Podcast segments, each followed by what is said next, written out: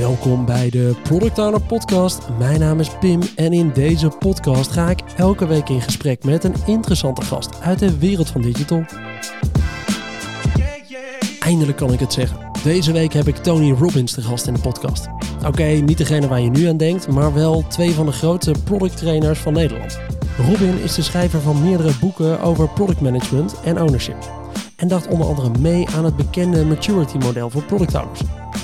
Tony is ons eigen hoofdtrainingen en altijd bezig met de ontwikkeling van product owners. Samen trainen ze in de afgelopen tijd meerdere groepen en vaak kwam de vraag weer neer op hoe blijf je je ontwikkelen als product owner.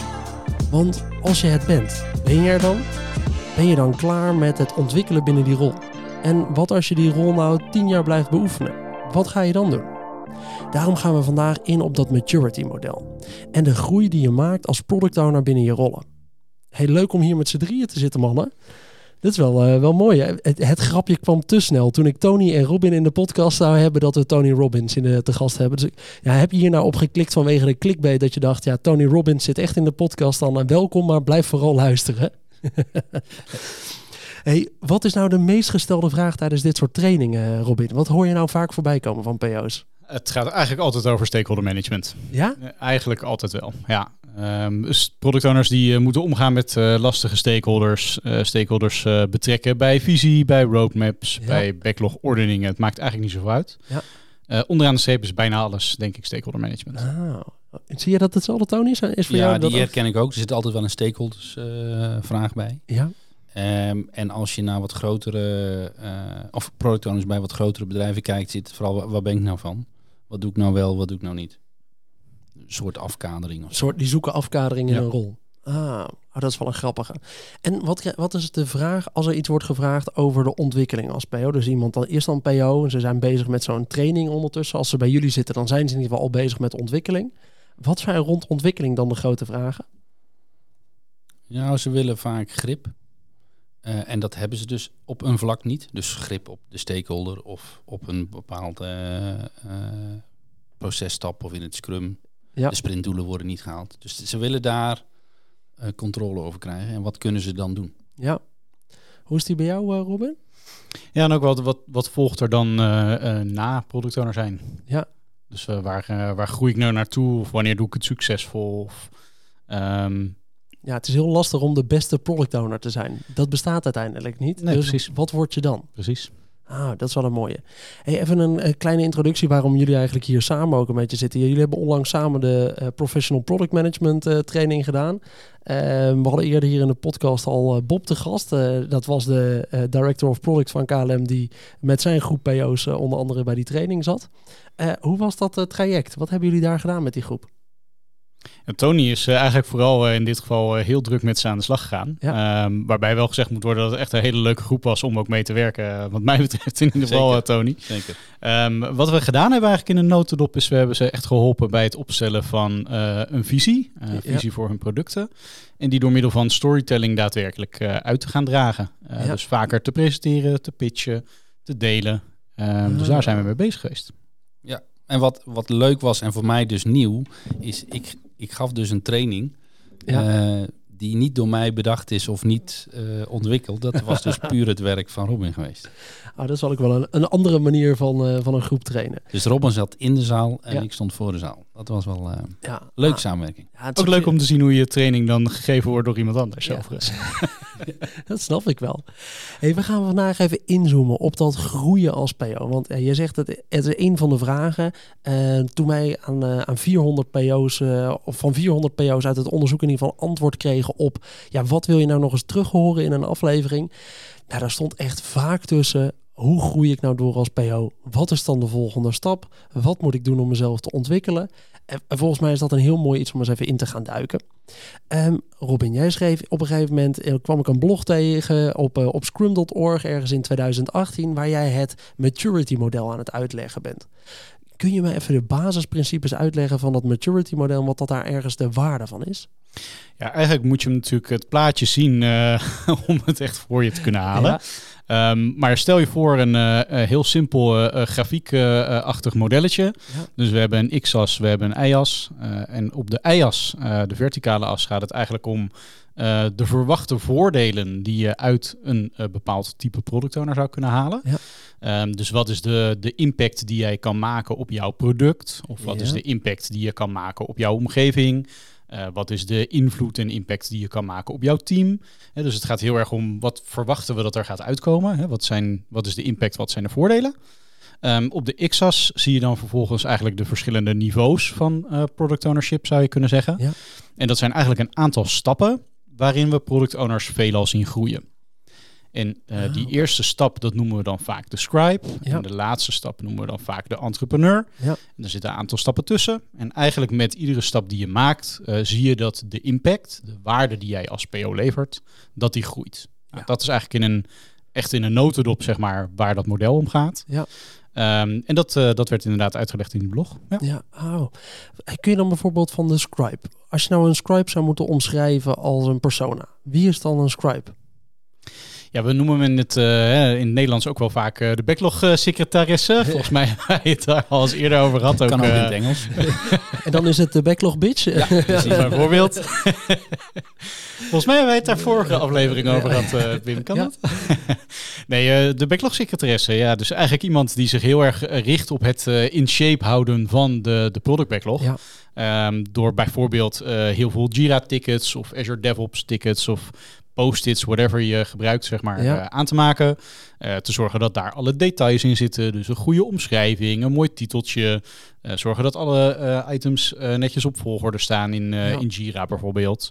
Um, zorgen dat er acceptatiecriteria bij staan. Nou, eigenlijk gaat het dus heel erg om alle details, zeg maar, van die product backlog in orde krijgen. Ah. Dus een hele administratieve rol zou je kunnen zeggen. Ja, en Tony, en wat voor heb jij daar een beeld bij? In wat voor organisatie is zo'n Scribe nou bijvoorbeeld wel gewoon echt een belangrijke rol? Nou, ik, ik gebruik hem heel vaak als tegenhanger van de entrepreneur. Dus de, de product owner die, nou ja, ik wil bijna zeggen, alles heeft. Ja. Ehm, eh, vaak zie je dat uh, zo'n senior uh, product owner, die heeft visie, die heeft mandaat, ja. die heeft budget. Dus die kan nou ja, vrij veel fixen. Ja. Wat heeft hij vaak niet? En dat is tijd. En tijd in de zin van om al die administratieve kleine dingen te doen, bij alle rituelen van een team te zijn. Ja. Vaak heeft hij ook misschien wel meerdere teams onder zich. Dus dan introduceer ik altijd die scribe van hé, hey, maar die, hebben, die heeft best wel veel baat uh, met elkaar. Hè? Dus iemand met heel veel visie, mandaat, ja, dat, daar leunt zo'n scribe heel erg op. Aha, ja. En andersom, als jij dus een veel te drukke product owner bent die, nou ja, uh, uh, een hele groot scala aan taken heeft, dan is zo'n scribe best lekker die even op jouw team uh, let. Mhm. Ja, dan heb je er wel echt baat van. Oké, dan dat is de scribe. Ik heb er wel een beetje een beeld van. Dat gaat met name om de administratieve taak rond het, uh, rond het product ownerschap. Zorgen dat de tickets gewoon goed zijn. Dat het team eigenlijk weet wat er klaar staat. Dat het goed de acceptatiecriteria, dat is even gespiegeld. Maar het gaat er niet per se om dat je altijd naar buiten gaat. Overal ook aan de business gaat verantwoorden wat voor grote zaken er gebeuren. Nee, en misschien nog als eh, aanvulling daarop. Hè, je ziet, het is, ik verwoord hem nu natuurlijk heel erg als de administratieve kant van het verhaal. Maar daar zit natuurlijk ook bij dat je bijvoorbeeld bij alle Scrum events bent. Ja. Uh, waaronder dus ook een daily, wat uh, een product owner in principe helemaal niet hoeft te zijn. Ja. ja. maar iedere dag bij de daily Scrum zijn bijvoorbeeld, zie je dan veel van die scribe-achtige ja. product owners veel doen. Uh, je ziet dat ze heel erg bezig zijn met de wensen ophalen bij de stakeholders. Uh, dus dat is dan wel degelijk aan die businesskant de wensen ophalen. Ja. Maar vaak zie je dan dat er of een soort subject matter expert uh, boven zit of bij zit. Um, vaak zie je dat er bijvoorbeeld een, een, iemand die dan product manager heet, bijvoorbeeld boven of bij zit. Ja. Um, of een soort business sponsor, projectmanager. Ja. Hè? Je ja. hebt natuurlijk heel veel namen. Maar onderaan de streep is vooral die, die Scribe product owners vaak dingen aan het ophalen bij anderen. Om dat door te vertalen naar iets wat het team kan begrijpen. Ja. Uh, zodat er daadwerkelijk iets gebouwd kan worden. Ja. En dus de focus, uh, dat zeggen ze dan heel vaak, is heel erg delivery focused. Het gaat heel erg om opleveren. Ja. En niet zozeer om ja, die waarde maximaliseren, wat we eigenlijk natuurlijk heel graag Ja, precies. En we deden er een beetje grappig over, maar op zich kan het een hele belangrijke rol zijn in zo'n uh, productorganisatie. Om ook die mensen te hebben die dat uh, stuk doen. Dan is de volgende stap die we op dat maturity model zien, is de proxy. Robin, ik ga hem gewoon weer eigenlijk aan je vragen. Wat doet zo'n proxy? Wat moet ik me daarbij voorstellen? Ja, het is eigenlijk net, uh, net een stapje verder zeg maar, dan, uh, dan Scribe. Uh, een proxy heeft iets meer mandaat in de praktijk. Dus ehm, daar waar je als Scribe misschien veel meer bezig bent, echt de kleine micro-opdrachten, features, user stories op te halen bij de stakeholders. Ga je als Scribe al wat meer aan de slag? Hey, wat is nou het, het, doel wat je wil bereiken? Wat voor soort features denk je dan aan om te gaan ontwikkelen? Ja. En laten we die dan iets meer samen al gaan, gaan ordenen, prioriteren, et cetera. Dus je ziet al dat er iets meer eigenaarschap of iets meer sturing is vanuit die product owner. Ja. Um, alleen de ruimte om echt zelf keuzes te maken, bijvoorbeeld, um, zelf beslissingen te maken, zelf te zeggen: nee, ik ga deze feature niet bouwen en die wel, of andersom, ja, die is er eigenlijk nog niet echt. Dus je moet nog voor heel veel dingen naar iemand anders toe. Precies. En dan heeft het dus ook heel vaak ermee te maken dat die organisatie eigenlijk jou een beetje in die rol houdt. Want ik kan me heel goed voorstellen dat er veel organisaties zijn waarbij iemand ook een beetje in de rol van proxy wordt gehouden, omdat dat de veilige manier is om gewoon werk gedaan te krijgen. Beschermt een beetje de feature factory misschien wel. Zeker. Zeker. Ik denk ook dat het misschien wel een van de meest voorkomende rollen is. Ja. Hoe komt dat? Waardoor is het de meest voorkomende? Omdat niet iedereen uh, alles loslaat hè, aan een product owner nog. Ja. Dus vooral, ik wou ook hier weer, hoe groter het de organisatie, ja, hoe meer afgeschermd en dat ze zeggen, nou weet je wat, uh, jij mag inderdaad de proxy product owner ja, zijn. Maar je volgt de visie die door iemand anders is gemaakt. je maar doet volgens de roadmap die ik of wij, de directie, besloten hebben. Ja. Hoe maak je nou in ieder geval die eerste stap als PO? Dus stel je zit nu meer in die Skype-rol. Wat is dan wat je moet ontwikkelen om in ieder geval naar die proxy-rol te gaan? Is dat alleen maar ervaring opdoen of zijn dat ook nog bepaalde skills? Ik denk dat ervaring opdoen in ieder geval wel een van de hele belangrijke uh, eerste stappen is. Ja. Um, wat we natuurlijk ook niet moeten onderschatten is dat voor in ieder geval in de afgelopen jaren voor veel organisaties de product owner vrij nieuw was. Ja. Dus het is vaak iets wat nieuw geïntroduceerd wordt met een implementatie van Agile of Scrum of uh, iets in die geest. Um, dus daarmee is het vaak ook uh, onbekend. En, en dan krijg je vaak al minder verantwoordelijkheid en ruimte dan als iets al heel erg bekend is. Ja. Um, los daarvan, uh, inderdaad ervaring opdoen denk ik heel belangrijk. Je gaan verdiepen in het product. Um, wat is het product dan eigenlijk? Ja. dus het begrijpen. Het begrijpen wat is dan het probleem wat dit product moet gaan, gaan oplossen. En dan vooral ook voor wie. En door middel van welke features gaan we dat dan doen? Ja. Dus dat je echt beter leert begrijpen, ja, wie zijn mijn gebruikers en wat is mijn product? Ik denk dat dat een van de belangrijkste dingen is die je echt goed moet gaan doorgronden om die eerste stap te kunnen gaan maken. check. Kijk, en met die, met die kennis en die ervaring die je steeds meer opdoet, uh, in combinatie met de houding van, eh, wij zeggen het wel eens intern ownership, dus het dingen naar je toe trekken.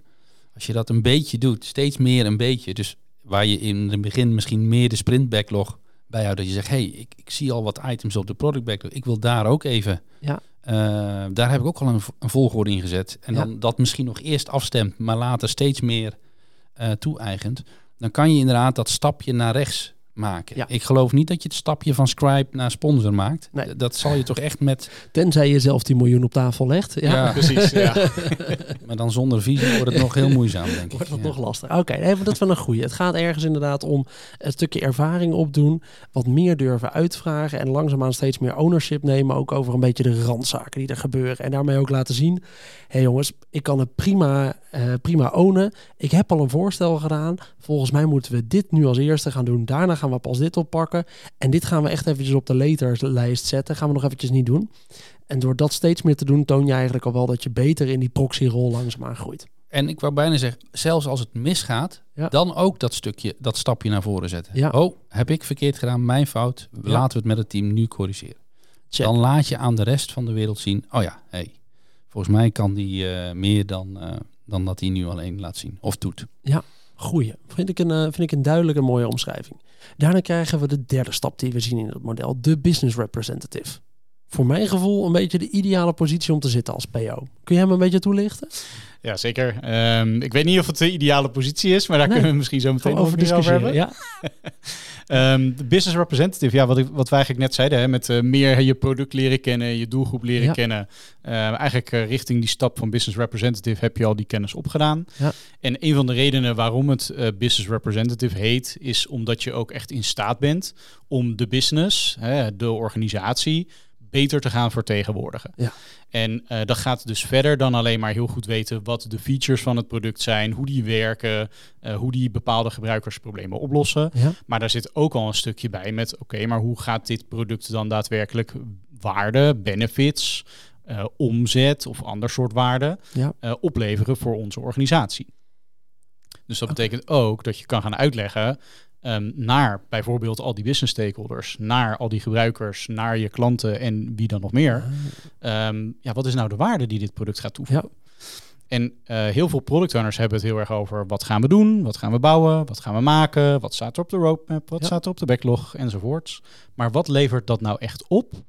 Dat is een van die dingen die vaak onderbelicht blijft.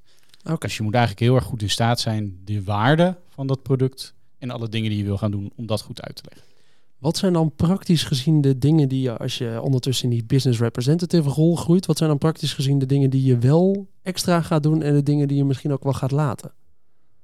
Nou, ik zit nog even na te denken waarom jij misschien de ideale noemt. Ja. Ik, ik denk omdat je net iets minder afhankelijkheden hebt eh, ten opzichte van de proxy en de scribe. Want je hebt daar echt iemand anders nodig. Ja. En dat je al wat meer zelfstandig mag draaien. Ja. Ik denk dat jij om die Hij reden voelt Pim voor zegt... mij, ja, Ja, hij voelt voor mij als de rol waarin je voldoende mandaat hebt om dingen te beslissen, maar ook nog voldoende tijd hebt om bij dat productteam aanwezig te zijn.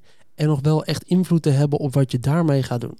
Terwijl alle rollen die hierna verder komen naar rechts toe, je eigenlijk geen tijd meer hebt om bij het product zelf echt in de ontwikkeling te zitten. En nog op die developer te zitten en nog te bepalen wat we nou in welke fases gaan opleveren en hoe we dat gaan testen.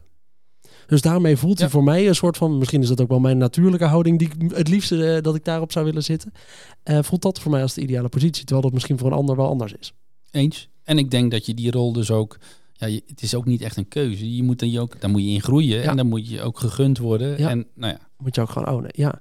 En de vraag die ik daarbij net stelde is, wat zijn dan praktisch gezien dingen die je wel gaat doen en dingen die je misschien ook dus niet meer gaat doen als je die rol een beetje hebt? Nou, ik denk dat je een hele goede focus moet hebben op, het, op je domein. Dus waar ben ik nu van? De Ja. bekende vraag. En daar, dat ga je volledig ownen. Dus je gaat je ook niet bemoeien met een ander domein. Of met, snap je? Ja. Dus je gaat ook niet heel veel in allerlei andere projecten erbij zitten. Want je bent owner, eh, business representative van, dat, Ja. van jouw stuk. En daar, ja, dan heb je denk ik al een, een, een volle taak. Hè? Ja, dat betekent dus ook dat je de trendontwikkelingen in de markt bijvoorbeeld moet kennen. Dus zit je op het stukje van zoekmachines, dan ben jij degene die alles van zoekmachines eigenlijk moet snappen. Of ben jij van de checkout, dan weet je eigenlijk ook wel wat alle andere bedrijven doen met hun checkouts. Nou ja, kijk even naar, naar eh, jouw onderdeel, de podcast. Ja. Er is hier toch niemand die meer weet dan jij over de Product Owner podcast. Nou ja, dat, eh, dat niet. Maar over hoe je die moet hosten, dat zullen vast Eh, meer mensen een, eh, een beter idee van hebben dan ik. ik doe ook alleen maar mijn best, ja. Ik, ik zeg niks. Nou, wat Mooi, wat ja. denk ik ook nog wel meespeelt is, eh, wat is dan de scope, zeg maar. Hé, je zei al van waar ben ik dan van? Ja. Maar ehm, dat, dat is best wel een, ehm, is best wel anders, eh, afhankelijk van de context, het bedrijf waar je in zit. Ja. Dus waar ben jij van inderdaad de checkout, zoals je net al zei, binnen bijvoorbeeld een hele grote bank of binnen de website van een grote telecomprovider of wat dan ook. Dus ben je eigenlijk owner van een relatief gezien impactvol maar klein proces in een heel groot geheel. Ja. Dat is een heel ander soort product ownership dan eh, toen ik voorheen product owner was van een BI-tool, wat ik end-to-end, inclusief een hele aparte administratietool, Ja. aan het ownen was. Ehm, en je zegt net van, nou, voor mij is misschien die business rep wel de ideale rol. Ja. Ik, zie- ik denk dat ik uiteindelijk toen geëindigd ben ergens richting sponsor-entrepreneur. Ja. Wat een hele toffe rol was, want ik kon end-to-end impact maken op dat complete product. Maar ik had ook nog de tijd om bij het team te zijn. En ik was betrokken bij de. Scrum Events. En, nou, maar ik kon ook naar klanten toe. En ik kon ook keuzes maken in het budget. En, Ja. ja, dus uiteindelijk eh, is dat voor mij dan meer de ideale PO-rol. Maar ik kan me ook heel goed voorstellen dat precies zoals jij net zegt... van ja, ben jij product owner van de checkout binnen een heel groot eh, bedrijf... Ja, dan is dat misschien als business rep eigenlijk wel mooi genoeg. Want als er nog meer bij komt dan alleen maar die checkout Ja. dan wordt het misschien wel zo groot dat het niet meer te overzien is. Ja. Maar dat is natuurlijk de vraag. Hè, wat kan je aan? Wat wil je aan? Wat vind je leuk om te ownen? Ja. Ehm, hoeveel vrijheid krijg je? Dus er zit dan natuurlijk wel meer bij dan alleen maar eh, wat doe je zelf. Er is Ja. ook een beetje, ja, wat laat Wat- de organisatie dan toe, zeg maar. Ah, dat is wel een goeie. Maar dat betekent wel, vanaf deze stap is het niveau mandaat aardig aanwezig. Dan moet je wel zelf kunnen beslissen over, oké, maar dit gaat er dus gebeuren met deze tool. Wie heeft er dan met name nog invloed op je? Want dat zijn waarschijnlijk die volgende stappen. Dan gaan we het hebben over die sponsor. Bij de sponsor gaat het over, ik heb gezorgd dat de budgetten er zijn. Klopt dat? Of waar gaat het dan om? Ja, in feite wel. Ik, ik denk dat een belangrijke stap is van uh, business representative naar sponsor. Uh, dat je daadwerkelijk ook verantwoordelijk wordt en ownership krijgt over het budget. Ja. Um, idealiter uh, ik, verwoord ik hem altijd als bij de business representative.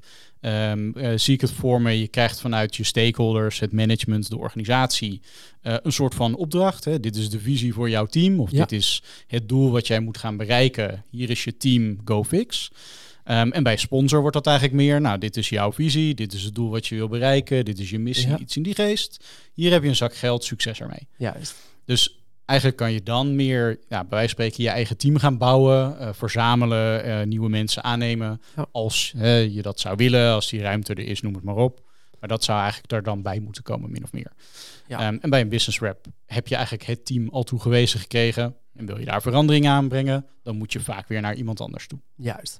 Dat betekent wel, en dat valt mij in ieder geval altijd wel op in, uh, in product teams, is dat alle stappen eigenlijk onder die sponsor, dan ben je niet zo heel erg bewust van budgetten. Tenzij je product owner bent bij agencies, die hebben een heel anders, die zitten heel vaak echt gefocust op, uh, op budgetten. Maar binnen heel veel andere organisaties is er op de andere lagen weinig bewustzijn van budgetten. Zeg gewoon, dit is het product en we hebben gewoon een team en dat loopt maar door en we gaan wel ontwikkelen. Nou, dat schuift een beetje door. Oké, dan schuift het een beetje door. Klopt. Dat is ook wel een raar eigenlijk, een, een raar fenomeen. Heeft dat hier ergens mee te maken? En is dat een rol van jou als sponsor dat je dat misschien ook wel meer zou moeten communiceren door zo'n organisatie heen? Nou ja, het feit dat je verantwoordelijk bent voor budgetten wil dus zeggen dat je na gaat denken over waar spendeer ik mijn geld ja. aan. Eén team. Oh, wacht, we moeten versnellen. Twee teams. Of oh nee, dat versnelt helemaal niet. Uh, het levert helemaal geen waarde op. Ja. Dus je gaat je heel bewust zijn van uh, opbrengsten en kosten. Het grappige is dat we, misschien een zijstapje, maar wel de laatste uh, LinkedIn-post. Uh, collega Sabine noemde iets over ah, ja. de sprint. wat kost nou een sprint? En dat was dan feitelijk de euro's. Nou, daar kwamen reacties op. Uh, dat wil dus ook zeggen dat, dat dat is niet gemiddeld genomen, wordt dat helemaal niet zomaar meegenomen nee. in een, door de product owners of in de uiting. Ik, ik hoor het ook best wel weinig in trainingen. Ja. Terwijl als je je bewust wordt wat nou ja, een sprint met alle developers kost. Ja, een, een en, uh, instapmodel 3 toch? En je bent uh, bezig uh, drie stories te, rond te krijgen. En oh, wacht, dat loopt nog even een sprintje uit. Ja. Dan kijken we, nou, en, en, dan zijn ze blij dat ze het afgerond hebben. En dan ga je kijken, nou, we hebben twee gebruikers blij gemaakt. En, nou, 0 euro omzet extra. Ja, want dat was, was volgens mij het voorbeeld uit dat rekensommetje kwam dat je een instap uh, Tesla Model 3 uh, ergens uh, rond ja. de 35.000 euro, dat dat ook wel de gemiddelde kost, kostprijs was van een, van een ja. Scrum team als er een paar externe bij zaten. Ja. Ja. Nou ja, dat loopt lekker op, maar dat is inderdaad, dat is wel iets waar je... ja. ja, dat is waar je gewoon bewust van moet gaan ja. worden. Uh, om, hem, om hem makkelijk te houden, ik, ik zeg eigenlijk altijd van, uh, je moet gewoon weten als product owner, stel ik gooi een euro in deze machine en ja. deze machine is jouw team, uh, hè, dat is wat jij doet met je, met je groep, hoeveel euro krijg ik dan terug? Ja. En als je die vraag niet kan beantwoorden, er gaat 1 euro in, er komt 1 euro 10, 1 euro 20, 1 euro 50 terug. Ja. Ja, als je dat niet weet, dan klopt er eigenlijk ergens iets niet. En dat staat dan misschien uiteindelijk zelfs nog wel los van ben jij een scribe of ben je een business representative. Okay. Maar dat is denk ik die waarde. Ja. En hè, Tony zegt net, ja, omzet, dat zou natuurlijk heel goed kunnen dat het omzet is. Maar het zou ook kostenbesparing kunnen zijn. Ja. We gooien er 1 euro in en we besparen 1,50 euro. Nou, prima. Ja. Ja, en het hoeft nog niet eens uh, altijd winstgevend te zijn. Hè? Ik bedoel, als jij klantenservice uh, bedient, Zeker. dan mag iets ook gewoon 1 euro instoppen, 80 cent opleveren. Maar, uh, en dus 20 cent kosten. Maar ja. daarmee zijn, houden we tevredenheid hoog. Ja, nee, maar daarmee trek je dus waarde eigenlijk boven euro's. Dus het gaat ja. meer om, lever je meer waarde dan dat je erin stopt. En in dit geval dan, uh, omdat er altijd wel euro's in moeten, in ieder geval om iedereen uh, thuis ook blij te houden. Ehm, maar gaat het meer om inderdaad, lever je voldoende waarde. En vanaf die rol vanaf sponsor ben je ook wel verantwoordelijk voor die waarde leveren voor die euro's. Dat hoort er wel een beetje bij als je die stap hebt behaald. Dan zit er nog één stapje rechts van en dat is de entrepreneur. Hoeveel product owner werk ben je dan nog aan het doen? Ik denk nog steeds wel heel veel. Alleen de, de focus verschuift uh, uiteraard gedurende de stappen die je naar rechts maakt in dit model. Dus daar waar je links heel erg bezig bent met alle feature details, ben je rechts eigenlijk amper meer bezig met feature details. Ehm, daar waar je links uh, als scribe amper bezig bent met wat is eigenlijk de visie op dit product en wat is de strategie, welke markten willen we eigenlijk bedienen, wie is onze doelgroep en wat zijn hun echte problemen die we willen oplossen. Ja. Is dat eigenlijk bij de entrepreneur juist de dingen waar je mee bezig bent? Wat is dan eigenlijk de productvisie? En hoe sluit dat wel of niet aan bij andere producten van onze organisatie? Ja. En wat maakt dan dat dit product bijdraagt aan ons complete portfolio van producten en diensten? Ja. En hoe gaan we dan die markt vergroten? En waar gaan we dan eigenlijk naartoe, strategisch gezien? Willen we bijvoorbeeld als productowner.nl de grootste partij rondom product ownership in Nederland worden? Of willen we eigenlijk Europa gaan veroveren? Geen idee. Maar als je dat niet duidelijk hebt, ja, waar, waar, waar werk je dan daadwerkelijk naartoe met elkaar? Ja, nou, ik ga eens Nou, dat soort de- dingen is een entrepreneur mee bezig. Ja, precies. Dus in dat geval zou ik nu moeten gaan schroeven aan mijn Duits. Spaans. Welkom aan de Products Owner podcast. Jawohl. gaan, we, gaan we door met de Duitse Die maken raden uit. Ja. Oké, ik vind het wel goed. Volgens mij hebben we nu eventjes die vijf stappen van het maturity model. We zorgen ook zeker dat er even een linkje ergens in de beschrijving staat van de aflevering. En anders kun je hem even online opzoeken natuurlijk. Ehm, die groei van een PO, ziet die er ook eigenlijk zo uit? Als jullie nu kijken naar de PO-studie en trainingen zien. Gaan PO's dan deze stapjes door? En waarom kiezen ze misschien wel bewust om ergens te blijven hangen? Ja, het leuke is dat ze inderdaad bijna allemaal zeggen: ik wil eh, door naar rechts. Ja. Ehm, en, maar ik durf ook wel te stellen, dat hangt ook af van je omgeving en je eh, organisatie. Laten ze het toe. Ja. Ik bedoel, als, als directie, we zien ook nog steeds dat, dat de bedrijven agile werken met de stuurgroep. Dus zolang dat... eh, Hoort dat niet dan? Goeie. Vervolg eh, podcast, eh, Pim, hoor ik. Ehm, maar zolang eh, ehm, ja, dus organisaties de, de, de besluitvorming niet loslaten of grip willen houden op Ja. het mandaat niet geven of de visie niet delen, ja dan, ja, dan kan jij willen dat je naar rechts gaat. Dus daar zie je ook wel dat product owners, nou ja, de reden van vertrek is ook vaak, ja, wat, wat de ruimte, ik, ik ben het ontgroeid, Ja. ik wil verder en gaan dus ergens anders kijken. Omwille van de ontwikkeling, omdat ze daarin eh, eh, worden tegengehouden of ja, niet, niet vrij kunnen eh, doorontwikkelen. Heb je daar dezelfde kijk op? Ja, eh, ja. Eh, en in aanvulling daarop ehm, is het leuke van een model natuurlijk altijd dat het probeert de waarheid wat te vereenvoudigen en begrijpelijk te maken. Ja. Ehm, terwijl uiteraard is het niet zo dat je eh, in een hokje zit. Hè? Dus het is niet zo dat je altijd begint in Scribe en dan naar Proxy gaat en dan naar BizRap. Nee. Ehm, het zou heel goed kunnen dat je ergens als sponsor begint. Ja. Ehm, bijvoorbeeld omdat jij al tien jaar ervaring hebt als product manager of product owner. Ehm, je hebt een eh, super succesvol product in de markt gezet. En bent exact om die reden ergens anders aangetrokken als eh, hun ultieme nieuwe product owner. Ja. Ja. misschien begin jij dan wel gewoon op eh, het sponsored level. Ehm, en dan moet je je eigenlijk meer gaan verdiepen in ja, wat doet dit product nou eigenlijk precies? Ja. En dan kan je prima leiding geven aan een team en je kan prima een visie opstellen. Maar dan moet je je eigenlijk meer gaan verdiepen in die context. En het zou ook heel goed kunnen dat je eh, van Scribe direct doorspringt naar business representative, eh, bij wijze van spreken. Maar ook dat je daar een beetje tussen schommelt. Ja. Ehm, hè, dus ik heb het ook wel zelf meegemaakt in het verleden. Ook wel met product owners in een training. Die zeiden ja, als ik nu zo terugkijk op de afgelopen jaren, dan ben ik wel business representative geweest. Maar ik voel me de laatste tijd eigenlijk toch weer wat meer een proxy. En ehm, nou, waar ik eigenlijk nu wat meer naartoe wil, is die sponsorachtige rol. En dat heb ik zelf ook wel meegemaakt. Eh, ik zei er net al, die BI-tool. Nou ja, uiteindelijk was dat wat meer een soort sponsorachtige rol. Eh, en in het product wat ik daarna ging ownen, was dat toch weer een stapje terug. Ehm, dat is op zich ook helemaal niet erg. En ik denk afhankelijk van bijvoorbeeld de volwassenheid van jouw team, eh, de volwassenheid van je Scrum Master, de volwassenheid van eh, de organisatie als geheel. Ja, dat het toch een beetje heen en weer laveren is. Dus ja, soms heb ik wat meer ruimte en ben ik een wat meer volwassenere of eh, meer eh, richting die entrepreneurkant-achtige PO. En op andere momenten, ja, dan heb je misschien een, een junior eh, team of nieuwe teammembers die geonboard moeten worden. Eh, of je gaat een nieuw team eh, opstarten en daar moet je heel veel insteken weer aan energie om die kennis weer over te dragen. Ja. Eh, dus ja, dat schommelt ook een beetje. Ja, precies. Dat is wel even goed om erbij te zeggen. Uiteindelijk is het geen eh, model wat van eh, goed tot fout loopt of, eh, of andersom. Eh, het zijn allemaal nuttige rollen die ergens ontstaan. En het is een beetje een, een model om wat kader te geven aan... oké, maar dit zouden een beetje stappen van verantwoordelijkheid kunnen zijn.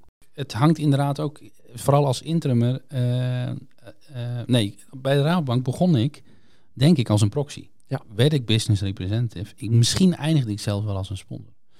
Toen ben ik gaan interimmen. Toen was het gewoon afhankelijk van de opdracht. Ja. En van de opdrachtgever en van de omgeving, wat ze me toelieten. Eh, en ik denk zelfs dat toen ik dacht, oeh, nou heb ik, ben ik echt wel senior product owner.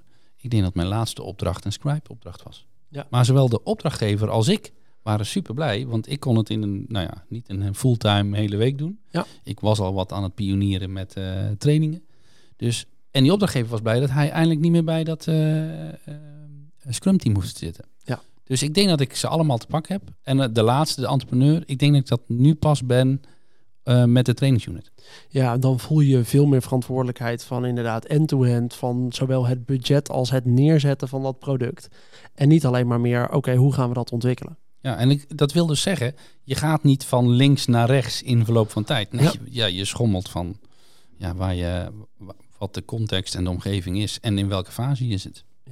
Stel, je bent nu dus als PO, ben je een paar jaar bezig. Laten we zeggen, je bent eh, vijf, eh, vijf, zes, zeven jaar ondertussen in die rol van product owner aanwezig. Dat zijn een beetje de meest senior PO's in Nederland, eh, met hoe lang die rol hier echt actief is. Ehm, wat ga je dan doen? Ga je dan, is dan de volgende stap om te zoeken naar hoe je dit binnen dit model kan groeien? Of is het dat je je gaat specialiseren op andere dingen? Of wil je dan een head-off worden of een director of product?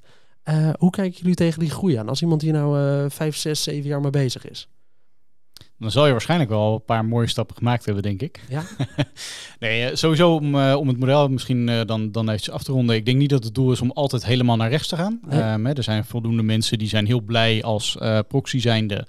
Ehm, eh, prima, hè, doe vooral ook waar je energie van krijgt wat je leuk vindt. Ja. Eh, en wat de organisatie helpt, wat waarde oplevert. Ik denk vooral dat eh, het model is ook om je te inspireren dat er misschien wel meer kan dan er op dit moment gevraagd wordt. Ja. Ehm, hè, dus veel organisaties die net starten met product ownership, agile scrum, et cetera, die hebben het beeld van ja, de product owner zit in een scrum team, die doet mee met de events, die heeft een backlog. Nou, Ja. en dat ga je dan ook doen als scribe. Maar hè, zie vooral dat model om je te inspireren. Oh, wacht, nou, misschien zijn er ook nog dingen als visie en strategie en roadmap en klanten spreken en Ja. testpanels organiseren en noem het allemaal maar op, die je ook zou kunnen doen. Ehm, hè, dus zie het meer als een soort bron van inspiratie, maar het doel is niet altijd rechts eindigen.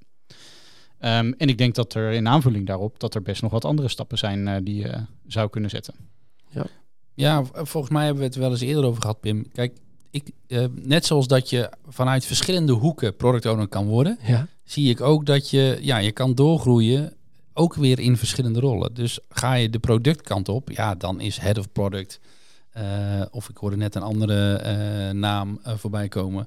Ehm, dan ga je echt, dan word je de specialist op dat product of diensten waar je mee, mee gewerkt hebt of waar je product Ja, owner precies. bent geweest.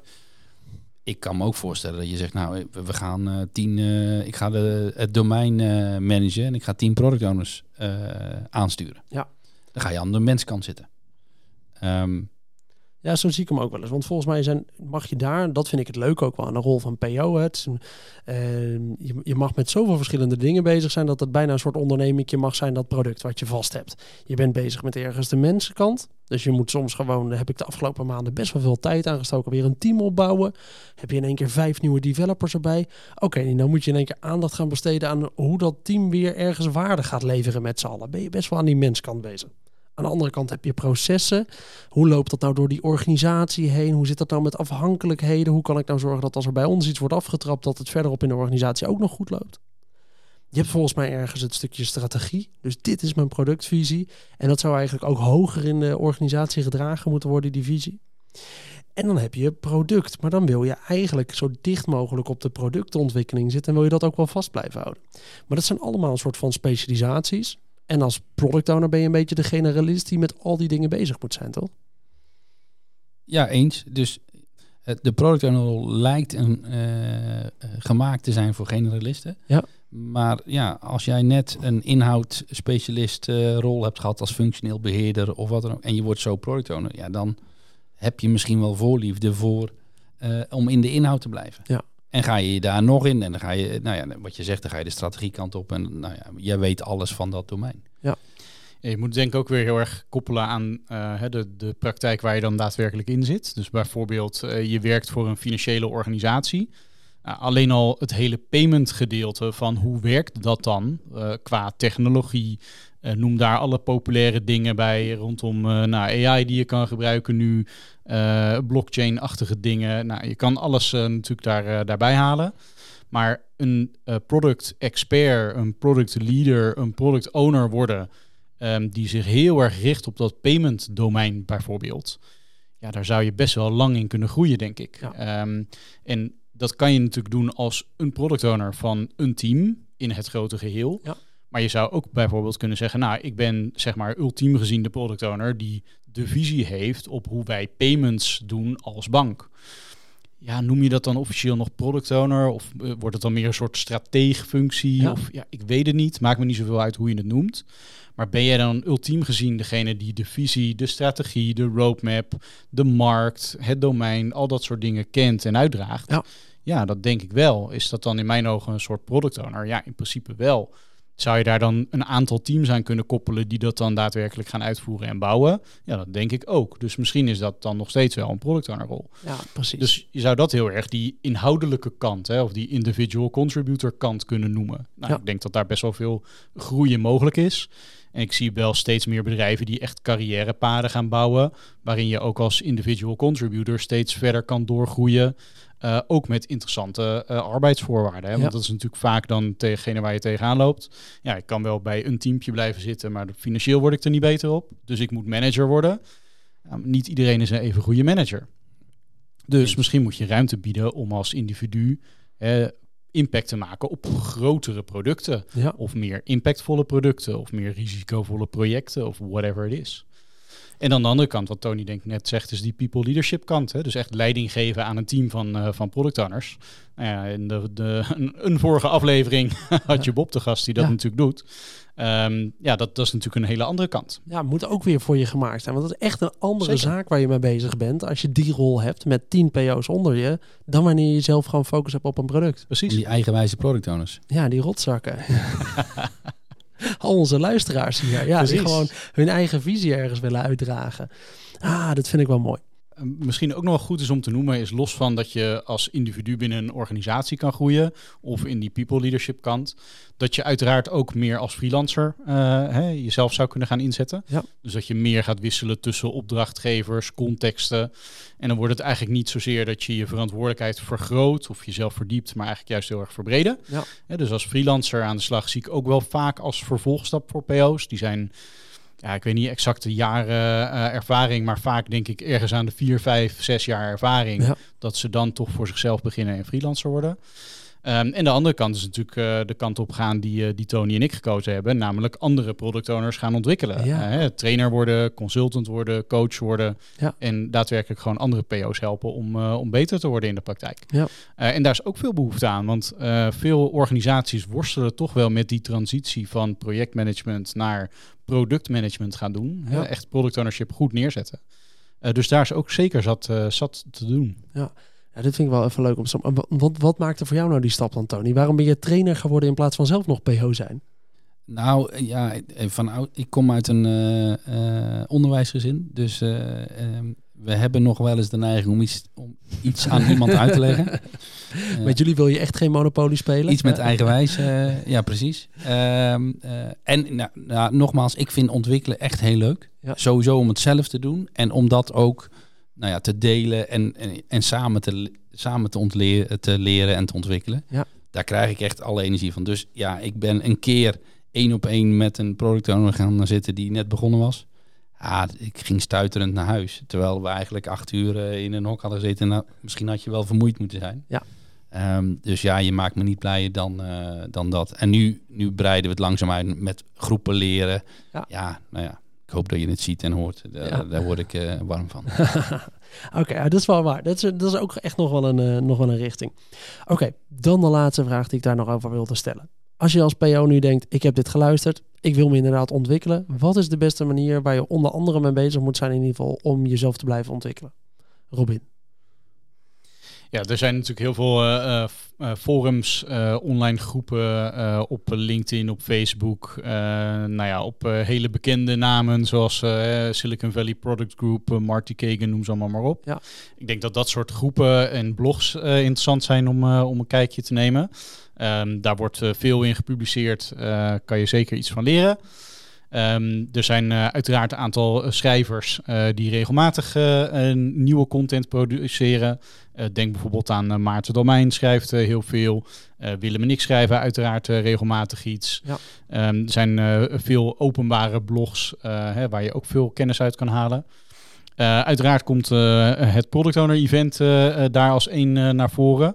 Um, en zo zijn er nog een aantal andere. in Zwitserland, Product Management Festival, leuk om te bezoeken.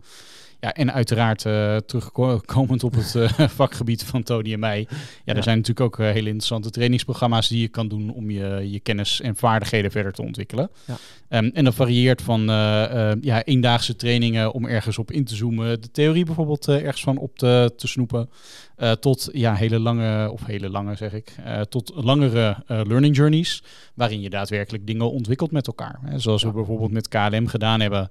Uh, dat je concreet wegloopt met een duidelijke visie die je door middel van storytelling kan uitdragen. Ja, dat zijn denk ik mooie dingen om echt je skills ook in de praktijk toe te passen. Ja, cool.